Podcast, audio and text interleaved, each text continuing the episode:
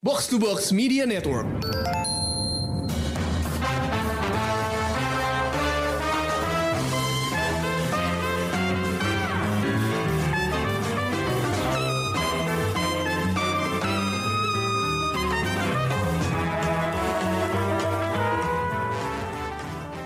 Annyeonghaseyo, pendengar Showbox. Welcome back to Korea Vaganza. Hari ini kita full team loh karena kita bakal ngebahas sebuah judul drakor yang sensasional, yaitu The Glory. Saking ngefansnya gue sama The Glory, gue kumpulin Krisna, Ulil, dan Priska buat membahas drakor Song Hye Kyo yang ini. Soalnya hmm, rasanya judul ini lebih penting yang daripada yang gue kira ya, jadi harus lengkap membahasnya. Uh, kenapa penting? Buat gue, ini penting karena ini pertama kalinya gue nonton drakor di mana karakter-karakter perempuannya semuanya menonjol. Yang baik, yang jahat, yang di tengah-tengah, yang gray area, semuanya punya warna yang beda. Bulan Maret ini kan kita tadinya merayakan International Women's Day. Tadinya gue pikir mau ah bikin episode spesial tentang perempuan lagi. Tapi ternyata nggak perlu karena cukup dengan ngebahas The Glory ini udah masuk semuanya gitu. Jadi jangan sedih ya pendengar Showbox harus nunggu lama buat kita membahas The Glory. Waktu part 1 selesai tayang, gue dan Krisna udah diskusi sih. Mau review sekarang atau ntar aja setelah part 2 ya Kris? Iya. Um, nah tapi akhirnya gue sama Krisna mutusin ntar aja deh. Soalnya part 1 baru pemanasan doang. Iya. Dan emang bener ya kan, part 1 emang seru. Tapi meatnya, dagingnya tuh adanya di part 2 yang menurut gue sensasional. Jadi anyway, sebelum kita mulai diskusi, gue pengen share dulu bahwa drakor ini jadi comeback kolaborasi bagi Song Hye Kyo dan penulis Kim On Suk. Mereka pernah kerja bareng di Descendants of the Sun. Yang mana gue nggak pernah nonton drakor ini, tapi soundtracknya gue suka banget. Um, jadi Kim On Suk itu udah banyak banget nulis drakor populer favorit banyak orang ya Secret Garden, The Heirs, Guardian, The Lonely and Great God, The King Eternal Monarch. Jadi ekspektasi melambung rada tinggi nih buat The Glory. Premisnya simple, ada anak SMA dibully sama anak-anak SMA lain, tapi bullyingnya parah banget dan ninggalin trauma yang hebat. Uh, orang yang dibully itu nggak tinggal diam, dia akhirnya merencanakan balas dendam terhadap orang-orang yang ngebully dia selama 17 tahun dan akhirnya tibalah saat dia untuk membalaskan dendam itu. Makanya seru banget kan ini premisnya aja tuh udah bikin gue excited gitu. Nah, gue buka diskusi ini dengan bertanya, ini The Glory lagi-lagi membahas tema bullying di sekolah. Menurut lo, adegan bullyingnya gimana? Apakah susah ditonton atau biasa aja, udah jadi biasa aja gitu. The first few episodes, my my best friend adalah fast forward button. jadi nggak bisa ya lo nonton. Berat ya. uh, gimana ya? Kayak itu uh, apa namanya satu hal yang uh, apa ya itu assault ya. Kita nggak bisa bilang yang lain kecuali kalau itu adalah assault gitu. Mm-hmm. Jadi kayak itu mereka juga nggak terlalu ter cuman fokus uh, ke bagian-bagian itu, ke scene flashback itu, cuman giliran dikasih lihat itu tuh too much. Bukan karena hmm. ya uh, tidak ada, thankfully nggak ada trauma yang seperti itu dari masa lalu, cuman kayak kita tahu dia dibully, cuman untuk uh, apa namanya memvisualisasikan itu sampai separah itu uh, bahkan juga ngecek sama apa uh, komen netizen banyak banget yang uh, langsung skip uh, bagian itu fast forward karena ya hmm. too much gitu uh, bullyingnya jadi uh, apa yang dilakukan sama tokohnya Song Hye Kyo itu ya justifiable aja sih. Hmm, oke. Okay. Kalau lo Chris ada fast forward hmm. nggak? Hmm. Lo kan lebih tangguh nih daripada kita kita. uh, lumayan bikin gua nggak nyaman sih. Maksudnya ini brutal hmm. banget sih bulinya udah udah beyond udah beyond banget lah. Maksudnya sampai meninggalkan bekas gitu kan. Ada alasannya juga geng penjahat ini terus kayak teman-teman apa kayak di di Twitter gitu orang-orang bilangnya the catoks kan. Iya, ada catok. itu catok. Yang catok itu emang adegan-adegannya lumayan brutal sih. Gue juga nggak Hmm. nggak nyaman ya. Apalagi Hmm. kan bukan cuman bully ya, maksudnya eh, apa ya? eh, sistemnya pun tidak memihak ke korban itu yang bikin makin gue nggak nyaman sih sebenarnya. Ya, betul. Oh, Betul eh, banget. dari sekolah, dari orang tuanya sendiri itu yang lebih bikin pedih lagi sih nontonnya. Hmm. Oke. Setuju. Nih, gue mau nanya sama Ulil. Ulil tahan nggak nonton adegan-adegan bullying itu?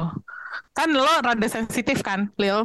Melihat adegan kekerasan seperti itu ya. Maksudnya kalau tonjok-tonjokan mungkin lebih fine, tapi ini bullying yang sampai pelecehan seksual gitu. Iya, itu yang paling parahnya. Hmm. Gue nggak sampai fast forward sih gue berusaha untuk gue tetap ada di sana walaupun kayak sambil nonton teriak gitu kayak au gitu kayak Hmm. kayak gue tuh menempatkan diri sebagai korbannya gitu loh kayak itu panas Mm-mm. banget Mm-mm. apalagi kalau kita cewek ya kita nyetok rambut kena Hmm. ujungnya itu kan langsung au langsung ada Hmm. detak gitu kan terus kayak buat gue deg-degan sih. Apalagi ditambah em, itu tadi ada pelecehan seksualnya. Dan gue shock karena ini bullyingnya segininya nih gitu. Hmm. Se- maksudnya kan kita tahu cuman kayak di pojokan gitu kan. Eh, apa nggak sampai yang ke fisik gitu loh. Cuman mental gitu. Nah ini tuh bener-bener yang kayak sampai sacet gitu badannya Iya, Meninggalkan bekas seumur hidup. meninggalkan bekas Iya, iya seumur hidup. bertahan ada bekas lukanya gitu ya. iya Hmm. Dan kalau misalnya bekas luka kayak gitu kan itu udah berarti udah burn uh, apa namanya? uh, udah kayak lukanya burn victim karena Ya. se, se- melepuh itu kulitnya. Eh, sejujurnya eh, kita kan udah sering nonton ya adegan bullying di drakor. Eh, apa pun itu pasti ada adegan yang nggak ngenakin gitu. Tapi kenapa The Glory ini eh, adegan bullyingnya ekstrim banget? Kalau Krisna bilang tadi karena ada hal-hal di luar bullying yang bikin jadi lebih parah gitu. Contohnya kayak orang tuanya si korban sendiri yang nggak mendukung, pihak sekolah, pihak polisi yang nggak mendukung. Ini ini kenapa ya bisa digambarin kayak gitu, Chris? Gue nggak ngerti deh. Apakah situasi realnya kayak gini atau, aduh, Wah, tuh gua nggak tahu deh kalau realnya ya. Cuman eh, ya jangan-jangan maksudnya banyak kejadian kayak gini gitu ya. Mungkin nggak separah ini, tapi kayaknya bully sesuatu yang masih jadi masalah besar di sana gitu ya, di di sekolah di sana gitu. Termasuk di masyarakatnya juga gitu. Kayak ya ya, itu ditonjolin banget kan gimana eh, susahnya untuk bisa berpihak ke korban gitu. Bahkan yang ada salah satu staff apa ya staff eh, kayak dokter di sekolahnya itu aja yang berusaha membantu akhirnya malah kehilangan pekerjaannya kan ya betul. Eh, itu miris banget sih sebenarnya. iya Em, jadi, kayak ini juga apa kita sering dengar kayak eh, apa kasus selebriti yang di masa lalu ternyata terlibat bullying gitu itu kan berarti kan emang real juga berarti ya kayaknya Nah, itu yang jadi pertanyaan gue. Bullying itu separah apa sih di Korea? Kalian ada yang punya bocoran gak sih buat gue? Kayak separah apa sih bullying gitu? Karena kalau contohnya ya, kita ngelihat em, Crash Course in Romance deh. Itu kan persaingannya ketat banget ya. Sampai murid-murid yang pinter-pinter aja tuh gontok-gontokannya mampus gitu loh. Mm-mm. Nah, sekarang ini ada ada lagi nih perbedaan kelas Sisi antara lainnya. orang kaya orang miskin gitu. Terus mereka juga sengit gitu loh. Kayak takut nggak sih lo?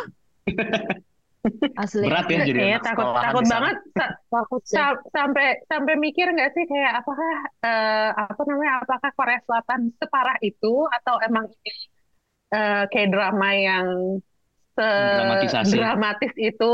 Ha-ha, gitu. Jadi tapi it makes me wonder. Tapi gara-gara Crash Course in Romance eh, dan eh, apa namanya eh, subject matternya yang si Star Teacher itu jadi baca kan. Emang di kalangan eh, apa namanya ada beberapa artikel yang gue temuin kalangan uh, student di sekolah, apalagi yang SMA mau masuk ke universitas, itu tuh yang uh, karena dia paling banyak uh, populasinya, dibi dibilang adalah South Korea is one of the um, unhappiest place, Hmm. unhappiest, Unhappiest- country gitu loh. Wow. Hmm, hmm. Iya, iya. Jadi, jadi dengan dengan dengan segala kultur edukasi yang persaingan ketat itu, ya nggak heran sih kalau misalnya ada apa namanya, ada persaingan bukan cuman siapa paling pintar, tapi juga siapa yang privilege, siapa yang tidak punya privilege gitu. Cuman Yes. gimana ya kita sebagai orang Asia tuh jadi mikir nggak sih perasaan kayaknya tetangga-tetangga kita di negara lain kurang lebih sama deh sopan santunnya masa mereka sampai segitunya sih gitu loh jadi jadi di- jadi mikir aja gitu sih kayak tapi emang mungkin penggerak ceritanya ya kenapa balas dendamnya seperti itu ya karena sesadis itu Hmm. Aku tadi sempat pikir, Ya, kenapa Lil? kayaknya kalau gue di Korea gue nggak bisa jadi orang yang biasa-biasa aja. Hmm. Gue harus, gue harus punya power. Kalau enggak gue harus punya kekuasaan. Gue harus uh, cantik banget gitu. Karena kayaknya kalau ngelihat series yang bully-bulian ini kan semuanya selalu dimenangkan oleh yang punya power gitu loh. Ya, betul.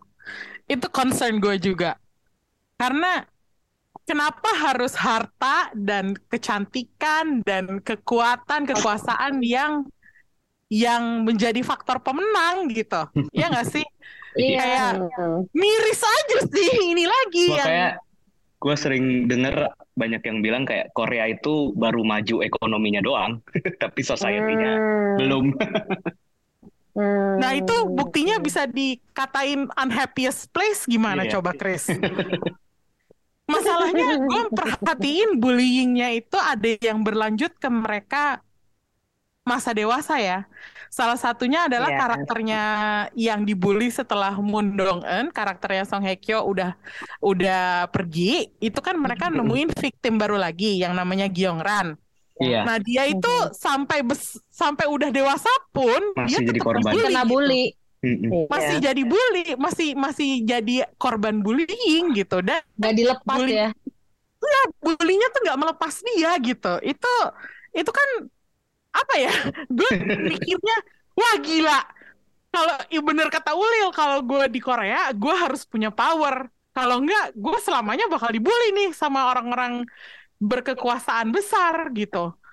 Takut Iya. gue, takut justru justru Iya, Uh, drakor ini meskipun terlihat polish dan produksinya mewah, tapi bikin gue jadi nggak pengen ke Korea gitu. Iya, benar banget. Ada satu, ada satu pembi- pembicaraan, pokoknya ada dialognya salah satu bulinya si Lisara ngomong ke temennya yang eh, cabin crew, eh, Mm-mm. dia bilang tuh, eh, ya kalau bukan dia, it's going to be you gitu. Jadi kayak harus ada yang penting ada aja gitu. Heeh, yang penting ada aja orang yang available untuk jadi Yang victim ya they're gonna do it no matter who it is gitu. Cuman ya apa namanya jadinya agak kayak oh eh, serem ya. Wah, itu emang parah sih. Jadi kalau kita fokus ke bullyingnya, udah nggak akan ada indah-indahnya itu Korea Selatan. Iya betul. Sayangnya gitu. Iya. Um, tapi kita uh, pindah ke aspek lain dari The Glory ini ya. Um, kita kan tahu dia dibagi dua part dan dengan jeda beberapa bulan. Menurut lo, apakah pacingnya jadi efektif dan wajar atau jadinya malah lambat dan uh, menunda keseruan? Efektif banget sih kalau buat gue justru. Sama. Oh, efektif banget. Mm-mm. Karena pembagiannya pas sih menurut gue kayak part satu tuh build up semuanya gitu kan, build up eh, latar belakang latar belakangnya gitu maksudnya separah apa sih Dong Eun jadi korban bully terus ditambah dia udah mulai apa ya kayak merencanakan balas dendamnya segala macam tapi kan belum ada eksekusinya sama sekali kan Hmm. baru itu aja build up lah gitu nah part 2 itu benar-benar udah eksekusi dan klimaksnya di situ semua jadi pas sih menurut gue Oke. Tapi kayaknya Priska nontonnya sekaligus deh, benar gak sih? Iya, karena waktu itu Ulil dan Krisna yang ngomong kayak, wah part satu gini gini gini. Terus udah gitu kayak Oh. lama-lama se- setelah mereka ngomong kayak uh, apa namanya? Mungkin handphone saya mendengarkan ya. Jadi kayak terus udah gitu dikasih konten The Glory sampai akhirnya kayak kayaknya gue harus nonton deh.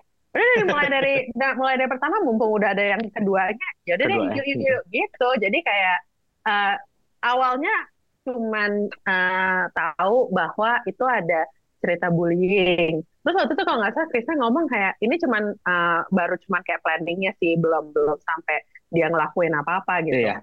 Mm. Terus kayak apa namanya mikirnya kayak eh, is it uh, that exciting? Kayaknya enggak deh gitu. Tapi habis itu semua konten tentang The Glory tiba-tiba tuh kayak ada di social media gue yang sampai akhirnya kayak oke oke kita nonton. Oh.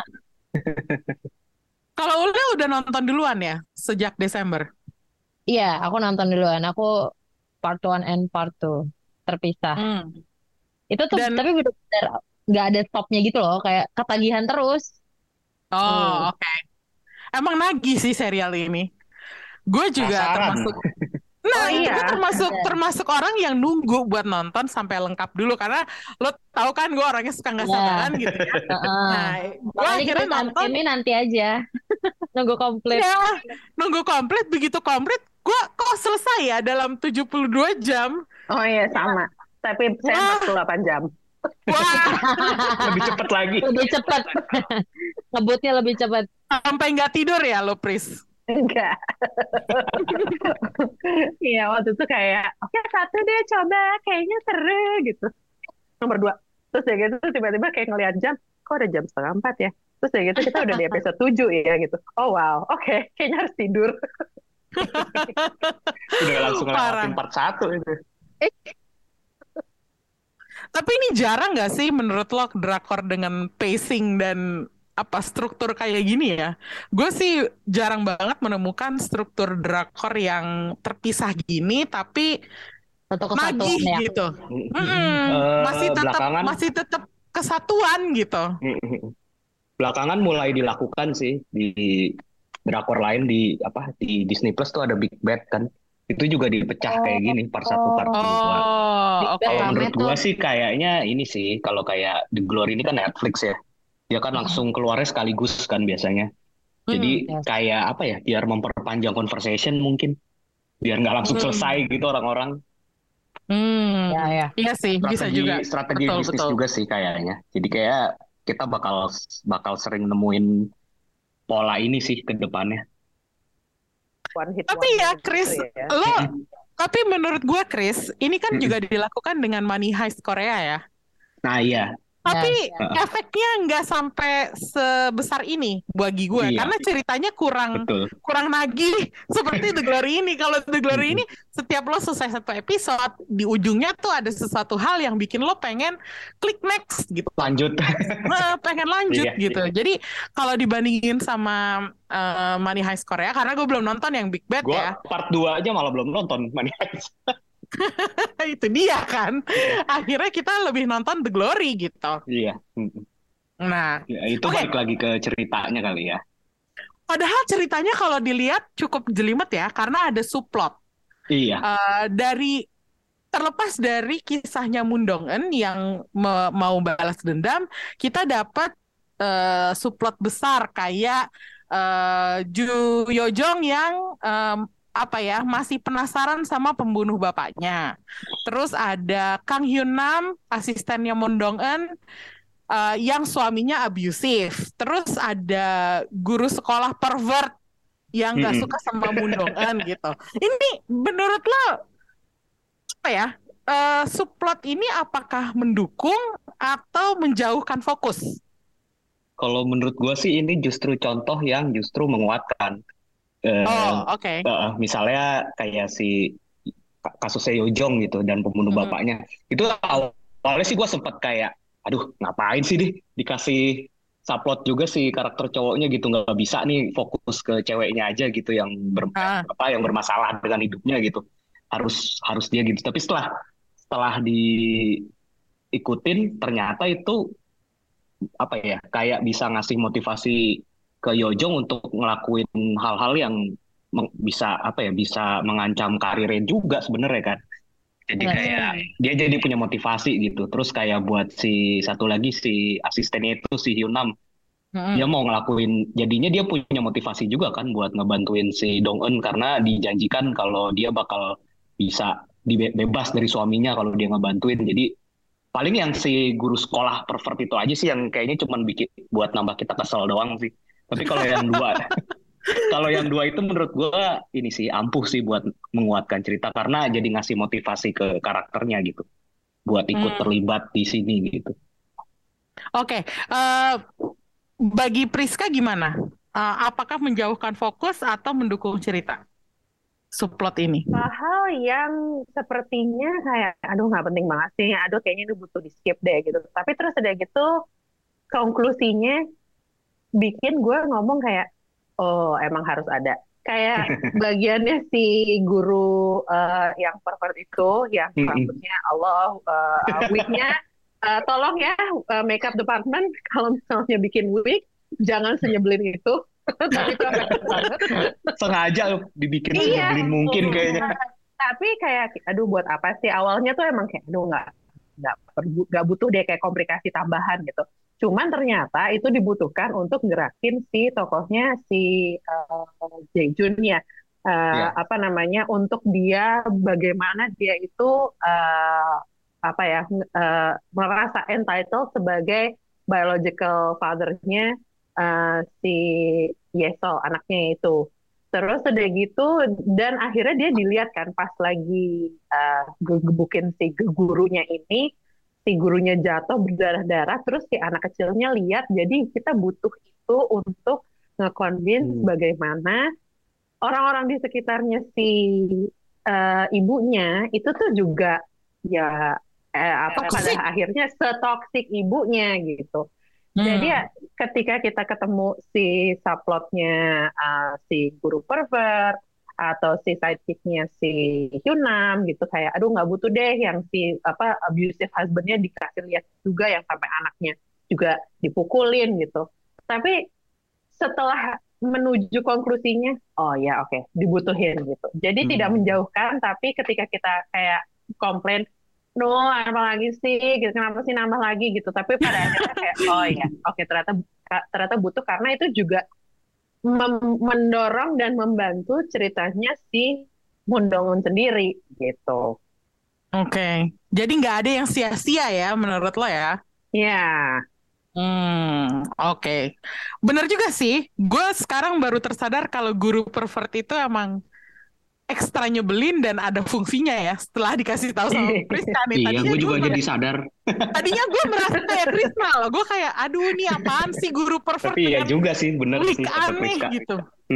Freak aneh. Iya lagi. salah satu salah satu kekuatannya si Mundongun itu adalah uh, much like any other woman dia itu pintar sekali multitasking kill two birds with one stone jadi selain dia me, apa namanya uh, nge-kick out si rekan kerjanya yang satu sekolah ini dia tuh juga mengasih lihat ke apa namanya multitasking gitu. Jadi si Iya. si Jaejunnya juga dibuat jadi panas terus udah gitu itu casualty-nya uh, jadi ke anak kecilnya. Tapi terus udah gitu kita ngelihat gara-gara interaksi itu dia juga jadi makin berantem sama si suaminya si bully si suaminya Yeonjin gitu jadi itu kayak makin oh itu ternyata emang dia tuh ya gitu multitasking to killing two birds with one stone makin bikin plannya dia tuh makin keruh buat orang-orang ini gitu. Which is itu yang kayak di, itu di momen di mana Hey, mampus lu semua. Nontonnya jadi ikut panas ya. iya.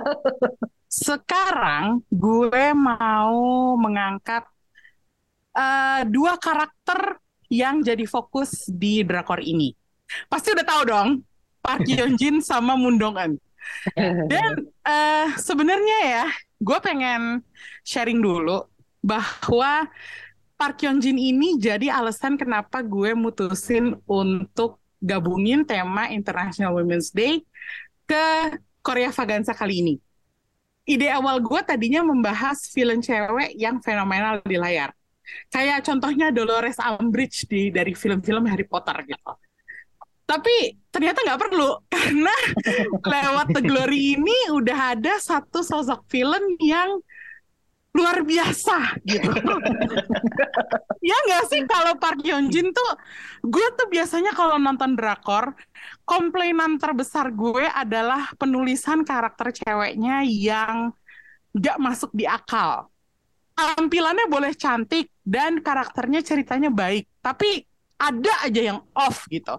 Misalnya dia terlalu imut, terlalu hiperbolis atau apa ya terlalu dibuat-buat gitu. Tapi Park Hmm. Hyun Jin ini buat gue sama sekali enggak. Totalitas evilnya tuh luar biasa banget. Ya. Setiap kali nonton dari mulut gue tuh keluar hal-hal yang biasanya gue tuh nggak keluarin gitu. Itu apa ya? Eh, gue sering ngomong, ih bajunya jelek banget sih, atau ih dandanannya jelek banget, make upnya jelek banget, rambutnya jelek banget. Sampai yang paling jahat gue bilang, ih kok dia jadi manusia tuh jelek banget gitu. Kayak mohon maaf banget ya, tapi karakter Park Hyun Jin ini saking setannya bikin gue reaksi kayak gini gitu. Dan gue salut banget sama dua aktris yang mainin Park Hyun Jin. Jadi versi dewasanya si Lim Ji Yeon Yes. sama Hmm. yang versi remajanya SMA. Mm-mm. Shin Ye Un. Karena tadinya gue nonton Shin Ye Un itu udah di drakor He Is Psychometric bareng Jin Yongnya God Seven. Dan di situ dia tuh jadi protagonis yang manis, yang baik gitu, beneran anak baik-baik gitu. Tapi di sini dia jadi sombong, nggak tahu diri, kasar, nyolot. Wah, nggak ada, nggak ada berhentinya gitu, nggak ada ampunnya gitu. Jadi akhirnya gue sadar ini tuh nunjukin lagi-lagi kalau cewek itu kalau mau jadi jahat bisa lebih nyeremin daripada cowok gitu. Jadi makanya lu jangan macem-macem deh sama cewek gitu. Iya gak sih? Gue tuh iya banget. dan akhirnya ini yang bikin gue itu tadi masukin tema International Women's Day ke Korea Vaganza gitu. Nah, penilaian lo terhadap Park Hyun Jin ini gimana? Wah, ini tuh apa ya? Ini kayak pas dari neraka deh nih orang. Gila sih. Lucifer cewek boleh gak sih dia? Iya benar benar benar. Ya. Kayak dari dari remaja bibit bullying itu udah ada tuh gimana? Gak ada tobat-tobatnya sampai punya Nggak ada. anak. Bingung Nggak gue. Itu, itu yang gue heran. Dia nggak pernah bertobat sama sekali gitu. Iya. Tapi kayaknya Yang paling- waktu paling akhir kali ya. Jadi gila gak sih dia? Iya. Tapi Yang itu paling- bukan karena yang itu bukan karena kesadaran diri kan? Itu emang situasi dia Sudah hancur. Dia gila. Iya, iya, iya. Udah Kayak dia kehilangan dia kehilangan semua privilege-nya dia dan itu yang bikin pro- jadi problemnya dia bukan karena dia di penjara, Mm-mm. bukan karena dia udah eh, bunuh orang, tapi itu cuma gara-gara Iya. kayak orang yang dia tunduk sama dia tuh udah nggak ada lagi gitu. Nggak ada. Sampai akhirnya berhasil ya. Ah, sampai akhirnya dia kayak disuruh jadi weather forecaster di selnya dia Sel. sama cellmate-nya dia kan. Mm-mm. Kayak wow, emang emang emang gila sih ya kayak dibikinnya tapi ya nggak tahu sih mungkin ada eh, terminologi medisnya ya buat orang kayak gini. Cuman eh, apa namanya dia itu yang paling nyebelin tuh kalau misalnya dia sok-sok eh, manis ke suaminya kayak oh Iya. Dia speknya dia ke sama ke anaknya juga itu Oh, makin nyebelin iya. kalau udah keluar tuh. Eh, Tapi dia sayang banget sama anaknya sih. hmm. Masa sih Leo? Kalau gue merasa dia cuman pura-pura loh. Itu Oh, iya? kayak ini sih Gua ngeliatnya kayak dia sayang trofi banget. gitu loh. Anaknya tuh Iya, jadi trofi trofi, kayak betul, betul. dia dia pengen Ah, iya, terlihat sebagai sosok ibu yang baik itu makanya ya itu sebenarnya motivasinya itu doang sih bukan pure dia sayang ke anaknya kalau gitu ya. Heeh. Hmm, Iya, iya. Kalau Krisna dari sudut pandang cowok ngelihat cewek yang kayak gini tuh Ah. gimana Kris? Gimana Wow. tuh? Iya, Gimana tuh? nyebelin banget sih kayak gua apa ya kayak arogansinya terus cara Hmm. dia merendahkan orang lain termasuk teman-temannya bahkan kan wah Hmm. itu itu luar biasa sih Gue- menurut gue malah bahkan versi SMA itu lebih nyebelin lagi. Wah, iya lagi. Hmm, Iya kan? Eh, betul. eh, eh. Bener. Versinya Oke, si keren sih maksudnya ada kemiripan secara fisik juga kan antara keduanya gitu. Iya. Hmm. Iya ya, Ma, waktu Mm-mm. SMA tuh entah kenapa gue tadinya nggak percaya bahwa ini aktris yang sama yang main di Psychometric karena di di Psychometric orangnya tuh wajahnya raut wajahnya tuh beda gitu. Mm. Akhirnya setelah berapa episode gue baru nyadar, oh ini kan pasangannya Jin Young di Psychometric. Terus gue Mm-mm. tiba-tiba merasa, hah, kok di sini dia jadi bejat banget ya? Terus apa ya? Pas gedenya kok sama mirip gitu. Terus gue mikir, ini dokumenter apa gimana? Lucunya Dan tuh ya, kan- tapi net netizen di Korea itu eh, sangat amat menggandrungi semua fashion looks-nya yang dipakai sama eh, Park Hyun Jin. Jadi ada satu eh, baju yang ketahuan itu dari brand apa, itu tuh sampai sold out. Tapi itu kayak banyak banget komen yang kayak I hate the character but I love her clothes. gitu kayak ya Iya kalau misalnya di iya. baju-baju itu di, di dilepas dari tokoh itu tuh ya emang ya ada colorfulnya lucu apa segala macam dan eh, apa namanya Cantik. Ah, ah, dan berbeda banget sama gaya quiet luxury-nya si Moon Dong Un yang kayaknya sih semua muted colors dan tones-nya yang eh, apa namanya netral warnanya tapi eh, itu justru yang eh, apa namanya semua brand-brand mahal tuh ada di badannya Moon Dong Un gitu. Sedangkan dia yang me- menggambarkan eh, apa eh, rich wife terus udah gitu come from rich family gitu. Itu tuh semua baju-baju tuh ternyata kayak eh, apa ready to wear yang range harganya mid mid range gitu jadi makanya kayak Hmm. selalu sold out eh, setelah eh, part pertama eh, apa part pertama jeda hiatusnya mereka terus part kedua tuh eh, apa namanya ada satu baju lagi yang katanya tuh si brandnya tuh sampai kayak kita udah nggak bisa produksi lagi karena itu uh, much untuk uh, Hmm. apa namanya demand dari orang-orang yang mau si baju itu. Sementara gue nonton drakor ini setiap kali Park Hyun Jin apa gue kayak ih kok jelek sih kok jelek sih karakternya. Tetap sebel ya. Gua Aku bawa Tetap karakter sebel. setelah, setelah nonton ini gue lumayan sering ngeliat behind the scene-nya eh, The Glory ini kan ya. Iya. Hmm. Itu beda banget loh si Lim Ji Yeon ketika se- apa Sama off kru kamera gitu. Heeh, maksudnya Mm, mm, mm, mm. Kayak manis, lucu gitu dan dia bahkan dia terlihat kayak starstruck di depan Song Hye Kyo gitu ya kan jauh lebih senior lah ya Song Hye Kyo. Hmm. Itu keren sih makanya si Lim Ji Yeon mainin si Park Hyun Jin ini. Kayak dia biar nggak Hmm. ini stres, biar nggak stres. Karena Iya. gue baca pendalamannya dia sama yang eh, waktu ah, sama aktris yang dia itu emang bener-bener apa ya serius banget gitu loh bahkan sampai orang-orang terdekat mereka tuh ma- manggil nama karakter di kehidupan sehari-hari. Oh, oke. message gitu ya, message Mm-mm. acting gitu ya. Untung dia nggak di gue nggak bisa bilang dia dibenci seluruh warga tapi dia emang nyebelin banget ya. Cuman kayak untung untung akun pribadinya tuh sampai nggak diteror netizen gitu loh. Iya, iya, iya, iya. Agak sebel banget ya nggak sih? Ya itu makanya Ada Di- orang kayak gitu keluar gitu. ini behind the scene behind the scene-nya. itu behind the scenes itu kayak pelipur lara gak sih Chris kalau buat gue Iya sih banget itu sih karena kayak eh, eh, akhirnya ngeliatin mereka ketawa-ketawa gitu kan Iya benar. Mm-mm. Dan itu gue paling lucu tuh eh, mereka tuh semua starstruck sama Song Hye Kyo, apalagi si ini pemerannya Song Meng Oh, si Kim Hmm. Gun Wo itu ada Hmm. di behind the scene tuh kayak dia udah di set duluan gitu, dia udah duduk gitu. Terus Song Hye Kyo-nya baru datang, baru masuk ke ruangan gitu. Itu dia udah lang- langsung berdiri, langsung nunduk-nunduk gitu bilang, wow mereka semua. Iya.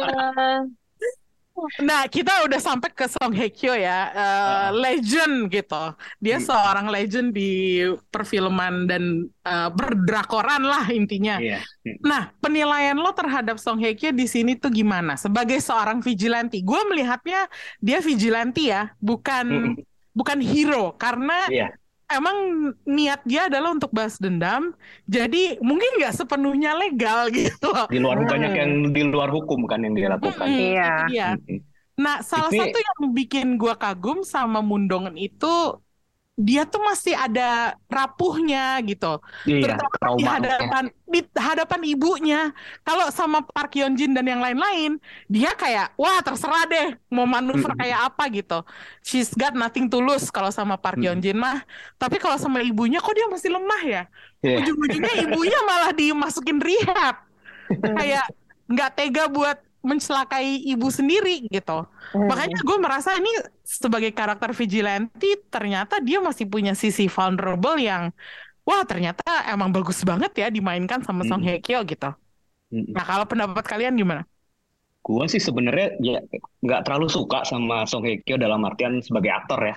Saya Hmm. kalau kalau secara ini emang dia cantik banget gitu ya, tapi secara karena lumayan typecast kan dia karakternya gitu-gitu aja selama Ya ini. betul betul. Nah, jadi gue sebenarnya udah nungguin banget Song Hye Kyo main kayak gini gitu, apalagi apa ya si Dong Eun ini ya bener vigilante karena dia itu udah apa ya kegigihannya tuh udah nggak tanggung-tanggung gitu kan dia bahkan eh, udah nggak peduli sama moral lagi gitu pokoknya gimana Hmm. caranya dia dan apa kayak dendamnya terbalas gitu dan Mm-mm. ya itu sih totalitas di situnya sih kegigihannya itu resistensinya itu Hmm. Dan kenapa kalian pengen lihat Mundongen menang di akhir? karena dia Ya. lebih dari sekedar korban bully sih Iya. Iya, kayak se- apa korban dari korupnya sistem juga remajanya, Ya. Iya, remajanya betul. dihapus. Iya. Mm-mm. Hmm. Jadi Oh, kayak ya. ini juga sih apa ya kayak perwakilan dari kaum non privilege buat ngelawan kaum privilege gitu juga gak sih? Iya, dan tidak harus menang karena apa namanya? Karena dia jadi lebih kaya atau Heeh, jadi lebih bener. powerful, dia tetap biasa aja gitu. Dia Heeh. dia lempeng aja sebenarnya apa namanya? arahan hidupnya, tapi ya objektif hidupnya dia itu yang yang apa ya bikin kayak cuman ya apa orang berkacamata kuda yang goal dan yang apa yang mau dilakukan apa yang mau dilakukan tuh ya itu gitu. Dan super Hmm. smart. Iya, super smart. Parah, pinter banget. Iya. Jujur ini eh, apa namanya pertama kalinya gue ngelihat Song Hye Kyo in any eh, movie or series. Eh, sebelumnya belum pernah sama sekali dan bahkan gue cuma ngelihat kalau misalnya dia jadi eh, front row fashion show di Paris atau Milan. Terus udah gitu taunya cuman karena dia adalah mantan uh, istrinya uh, bintang drakor lain. terus terus udah gitu uh, apa namanya uh, buat gua tampang Song Hye Kyo itu bukan Moon Dong Un. Kayak waktu bila waktu tahu kalau misalnya ini tuh Song Hye Kyo yang itu apa yang yang bener, yang bener nggak sih? Yang itu gitu. Kayak nge- ngelihat kayak perbandingannya gambar yang gua kenal which is eh, apa namanya ada dari brand Prancis yang sangat terkenal. Glamor ya. aduh elah glamor banget. Terus udah gitu jadi kayak gini kayak nah ini tuh emang yang sama? Apanya yang sama ya? Apa nggak mungkin? Kan tapi nggak ini this is the same person. Jadi kayak oh wow kayak ternyata dia sebakat itu ya untuk bisa memenangkan hati gue bukan cuman karena gue tahu dia adalah uh, apa namanya selebriti yang glamor gitu cuman Ya. oh she's the actress with her art gitu Hmm. Setelah lama banget akhirnya aktingnya naik level sih menurut gue di sini. Hmm. Hmm, iya sih. Itu yang gue perhatiin juga Setuju. bahwa ya biasanya kan dia jadi romantic heroine ya. Iya. um, rom romance lead character gitu. Tapi di sini kan enggak gitu. Ini kan thriller ya dan Mm-mm. apa di sini gue tiba-tiba membandingkan dia dengan Beduna masa kayak wah Wow. Hye Kyo udah sampai levelnya Beduna. Wow. Kayak wow, kok gue bisa berpikir kayak gitu ya? Tapi memang nyatanya Mundongen itu adalah karakter yang yang kayak gitu gitu. Yang yang kuat tapi masih punya sisi rapuh itu yang tadi gue bilang itu gitu. somehow she's the champion tapi a champion yang kita bisa tiru or not itu kayaknya masih tanda tanya besar ya Tapi Ya, ini gue suka banget sih. gitu. Gue suka banget bahwa dia nggak perlu punya pacar yang orang kaya banget untuk bisa jadi eh, sukses ngalahin Yeonjin karena dia sama si em, lakinya itu kan si Iya. si Yojong. Yo- si Yojong itu mereka kan seperti partnership ya bukan relationship gitu mereka kan Iya. hanya kayak friends in Partner. revenge gitu Iya, iya, iya. friends friends with revenge bukan friends with benefit, Benefit. gitu jadi gue melihatnya seperti iya oke dia disupport sama a guy tapi nggak pakai harus sampai menjual dirinya untuk relationship gitu loh Iya, Itu makanya tetap gua- di dia. Nah, itu dia gitu. Jadi, wah, emang luar biasa banget sih dua karakter ini Park Hyun Jin sama eh, Moon Dong Eun. Lil, lo nggak ada komentar tentang Moon Dong Eun?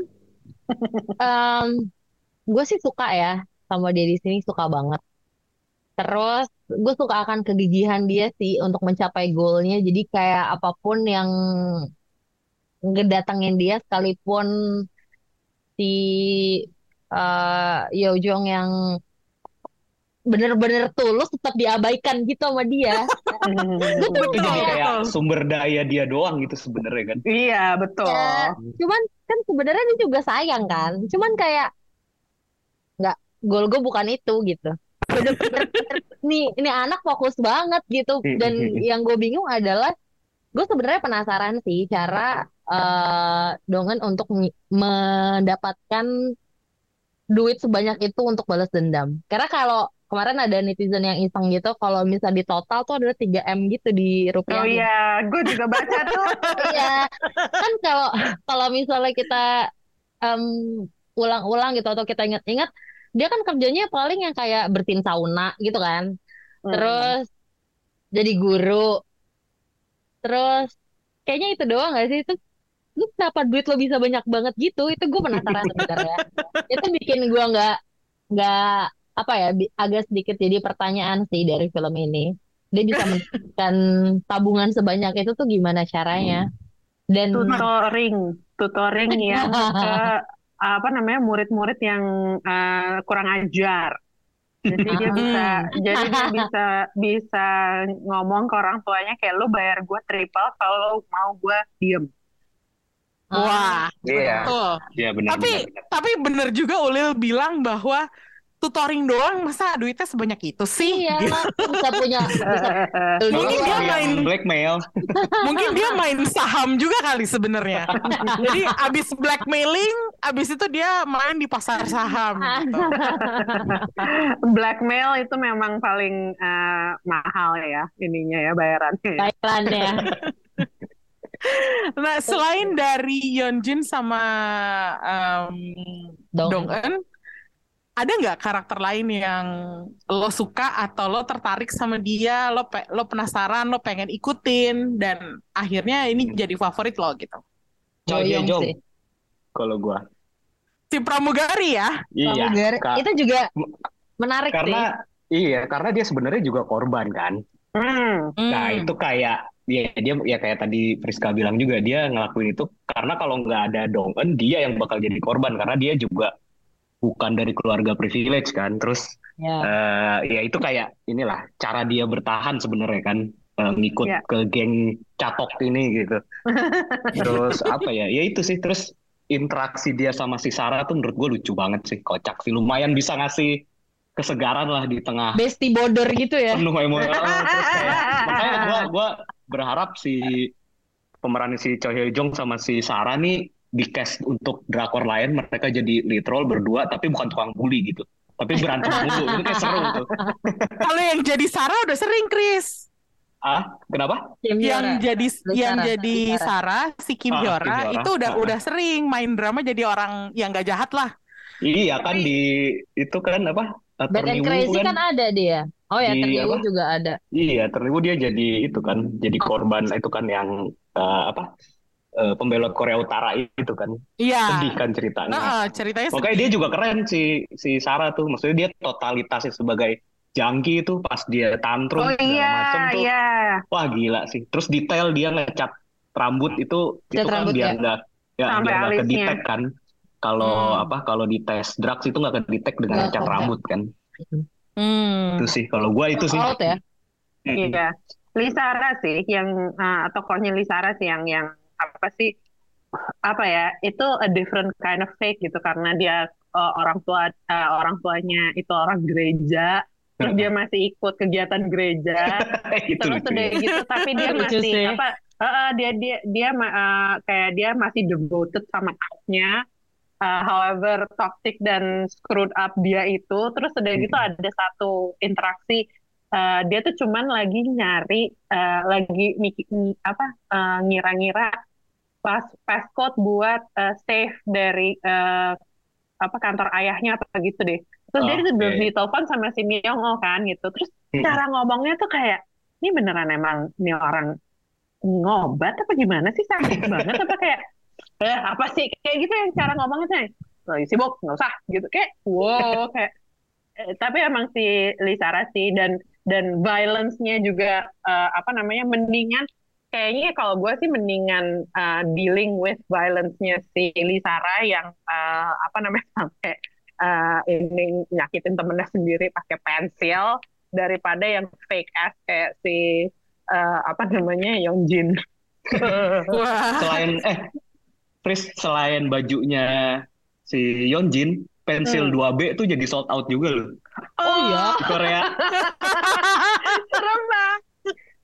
Gue baru baca Mudah-mudahan kemarin. cuma mudah-mudahan cuma buat eh, itu ya ikutan Kalian ya. Jangan diikutin ya buat jadi senjata. Kalau Ya, Lil mudah-mudahan- siapa Lil Mudah-mudahan jagoannya? dipakai mudah- mudah-mudahan dipakai buat ngul-ngul rambut gitu ya. Oh bener. Kalau gue Ada-ada itu aja. Doyong sih, suaminya Yeonjin. Hmm, sama sama Oh, gue, iya, sama sama iya, gue. Ya, Ah. betul. Itu kayak Keren dia keren. hot dad. kayak udah cakep, terus pinter, terus dia dia selalu bisa menahan amarahnya. Uh. Kayak dia selalu pakai logika gitu kan pada akhirnya. Hmm. Terus yang apa ya? Bikin gue amazed aja karena dia saset-saset gitu dan dia juga bisa tegas sama Yeonjin gitu. Emang lo tuh toxic bro. Aku sudah tidak mau denganmu. Bagaimana caranya? Aku mendukung Dong En gitu. Iya, Lil, eh, gue tuh agak-agak eh, sempet sebel sama dia di awal-awal kayak nggak percaya bahwa em, si Priska tuh udah bilang, ntar dia jadi temennya Mundongan kok. Terus gue yang kayak, ah masa?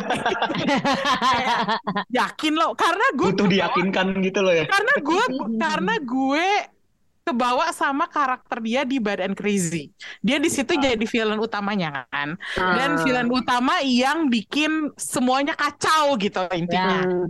Nah terus udah gitu ada sifat-sifat dia yang gue nggak suka kayak pintu mobil nggak ditutup lah harus ditutupin orang lain, Oh, minta iya. dipayungin pas Ya, hujan kan gitu. dia tetap aja cebol.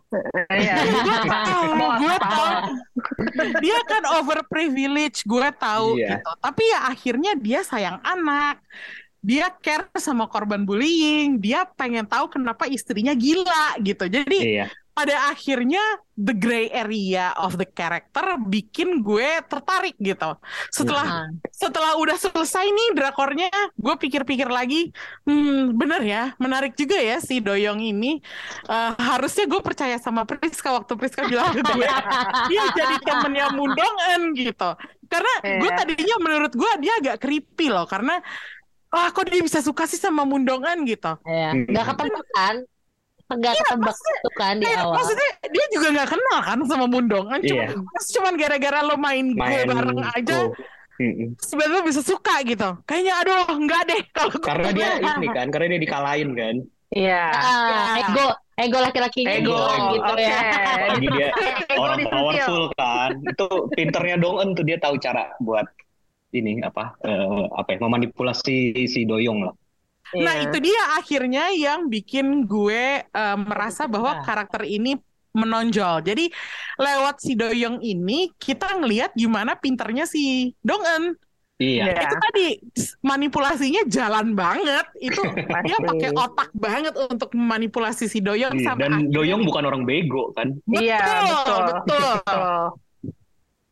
Makanya pas terakhirnya si eh, siapa namanya si eh Jaejunnya Jejun. mati didorong ke semen itu gue agak bersorak sih gue agak bersorak karena Gue nggak mengira itu dia loh. Kayak Iya tuh kayak wah luar biasa kayak kok bisa dia tega gitu. That is the perfect crime. Iya Hmm. sih. Bagaimana Memang. si Doyong itu nge apa namanya? eh, mungkin ini perfect crime ya Mundong, cuman that is how you get rid of someone.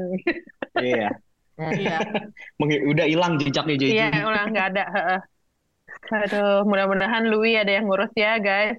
Oh iya benar. Sial, Dirawat Song anak Hye-jong kayaknya.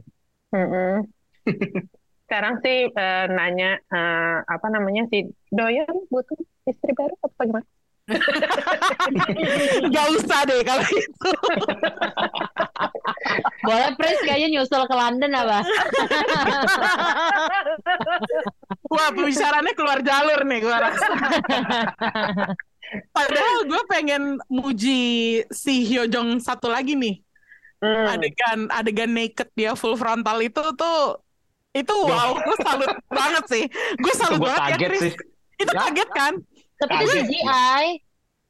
Iya katanya Eh, CGI mm-mm. itu soalnya eh, bagian dadanya kan Posturnya nggak pas Oh, ya. plus dan ada augmentasi gitu jadi emang Hmm. CGI tapi Hmm. bahwa muka dia terattach dengan badan Iya itu Eh, menurut gue tuh berani banget dan gue nggak Ya. tahu ya Chris gue nggak tahu eh, apakah di Korea itu lumrah bagi seorang aktris untuk buka baju kayak gitu kayaknya sih enggak ya Kalau di film lumayan sih. oh di Hmm. film lumayan ya Iya. heeh. Kalau kalau film yang emang ratingnya eh, dewasa ke atas sih lumrah sih. Hmm. tapi tetap aja sih gue salut gue angkat jempol mungkin karena ini si Hye-jong ini Drakor gitu ya, jadi ya lumayan shock sih. Hmm, berarti lo shock juga kan Iya. Siok. tapi adegannya bagus kalau menurut gue yang dia tiba-tiba buka baju aja gitu Iya, itu kayak Sampai- ini juga sih eh, apa ya? Menurut gue jadinya nggak sekedar dia buka baju, tapi emang itu kan dia ngelepasin baju yang diklaim sama si Yeonjin kan. Hmm. Mm-mm. Jadi kayak dia memutuskan hubungan ke Yeonjin juga dengan ngelepas itu sebenarnya. Hmm. Oh, Jadi ya, nggak make sensasional Betul, betul. aja gitu. Ya. Ya, ya, ya, ya. Oke, ini goal akhir dari The Glory itu kan untuk ya balas dendamnya Moon Dong-eun. Dan Hmm. dendam itu akhirnya terbalas. Apakah lo puas dengan terbalaskannya dendam ini yang Yeonjin cuma di penjara tapi nggak mati? Itu lo puas apa enggak atau gimana?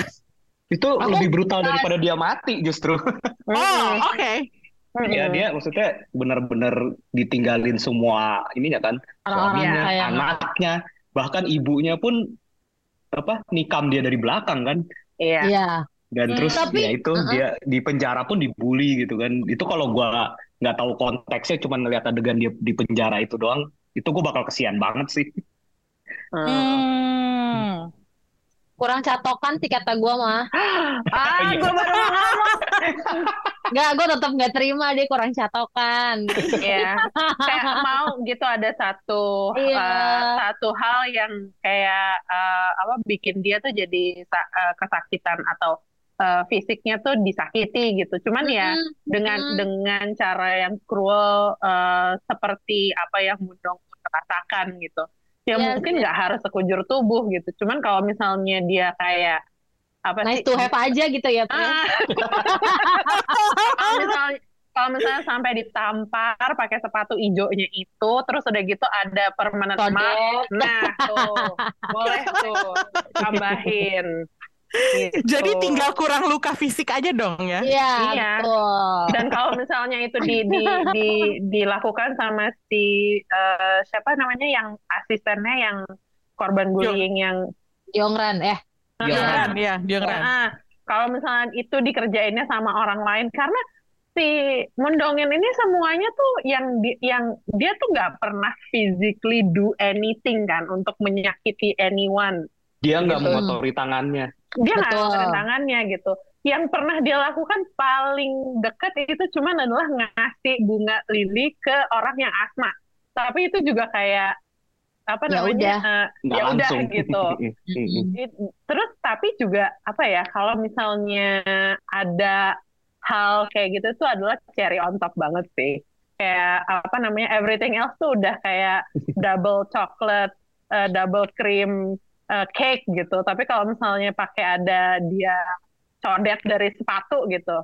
Iya, itu kan lebih mantap. Karena kan equal dong. betul.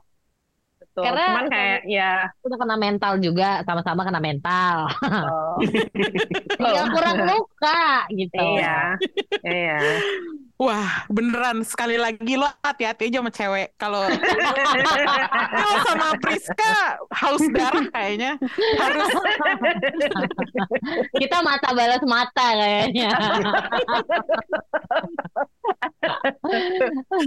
sementara Ya. Krisna udah cukup dengan begini.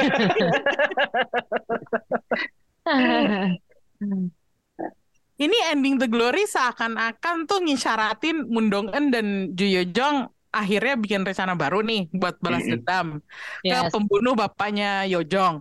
Jojong. Berarti Moon Dong-eun belum bisa lepas dari vigilantism kan? Apa pendapat lo tentang ending ini? itu menjelaskan bahwa dia itu eh, apa yang dia tahu sekarang di hidupnya adalah eh, ya gitu eh, an eye for an eye kayak balas dendam adalah cara hidupnya dia. Kayak it's not kita juga nggak bisa bilang itu benar.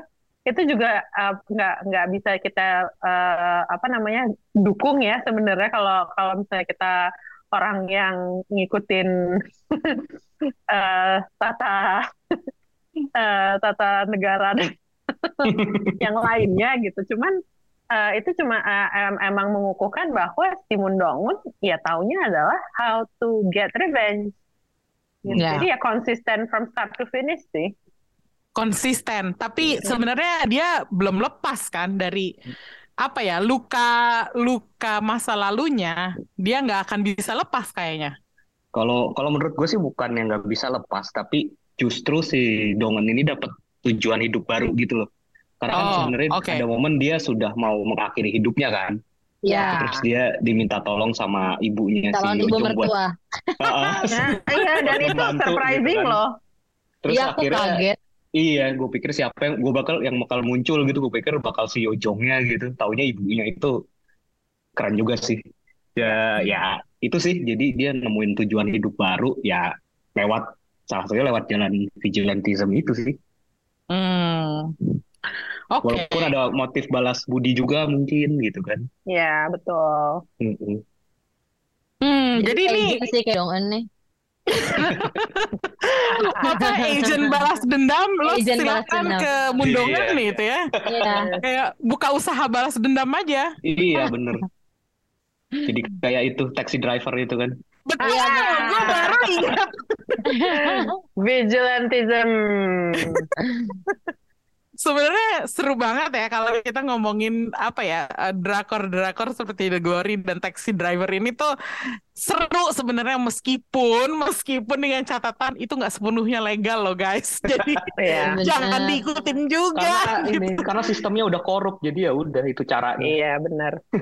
Wah, Chris, lo membuka seperti kaleng penuh cacing yang Kan itu hanya di drakor. Yang kita tahu. Iya. Yang kita tahu. Yang kita lihat di drakor. Waduh, nih se- obrolan kita kali ini seru banget ya. Em, ini masih ada di Netflix eh, dan kayaknya nggak bakal turun soalnya ini keluaran Netflix sendiri part Original. one. Ya original eh, part one part two. Bagi yang belum nonton harus segera nonton The Glory. Ini eh, I have to say ini apa ya lumayan menjadi salah satu top 5 gue kayaknya buat tahun ini udah fix gitu. Hmm. Kayaknya kalau Iya kan? gue juga. Iya. Iya, kalau misalnya eh, harus milih top 5 ini yang paling awal lah masuk si The Glory ini Em, dan drakor ini emang nagih banget. Jadi kalau The Glory nggak hanya mewakili Korea Vaganza tapi tema International Women's Day di Showbox, wajar dong. Lo ngerti kan sekarang kenapa gue insist untuk masukin ini sebagai perwakilan uh, International Women's Day dan juga Korea Vaganza. Di drakor ini lo bakalan dapat karakter perempuan yang tadi kita bilang itu uh, banyak warnanya, banyak teksturnya dari yang baik, yang jahat, yang gray area semuanya ada. Jadi kalau ada satu judul yang beneran gue rekomendasiin untuk merayakan kejayaan perempuan tahun ini di layar itu adalah The Glory. Thank you guys sudah dengerin Showbox. Uh, kita ketemu lagi di review berikutnya ya. Bye bye.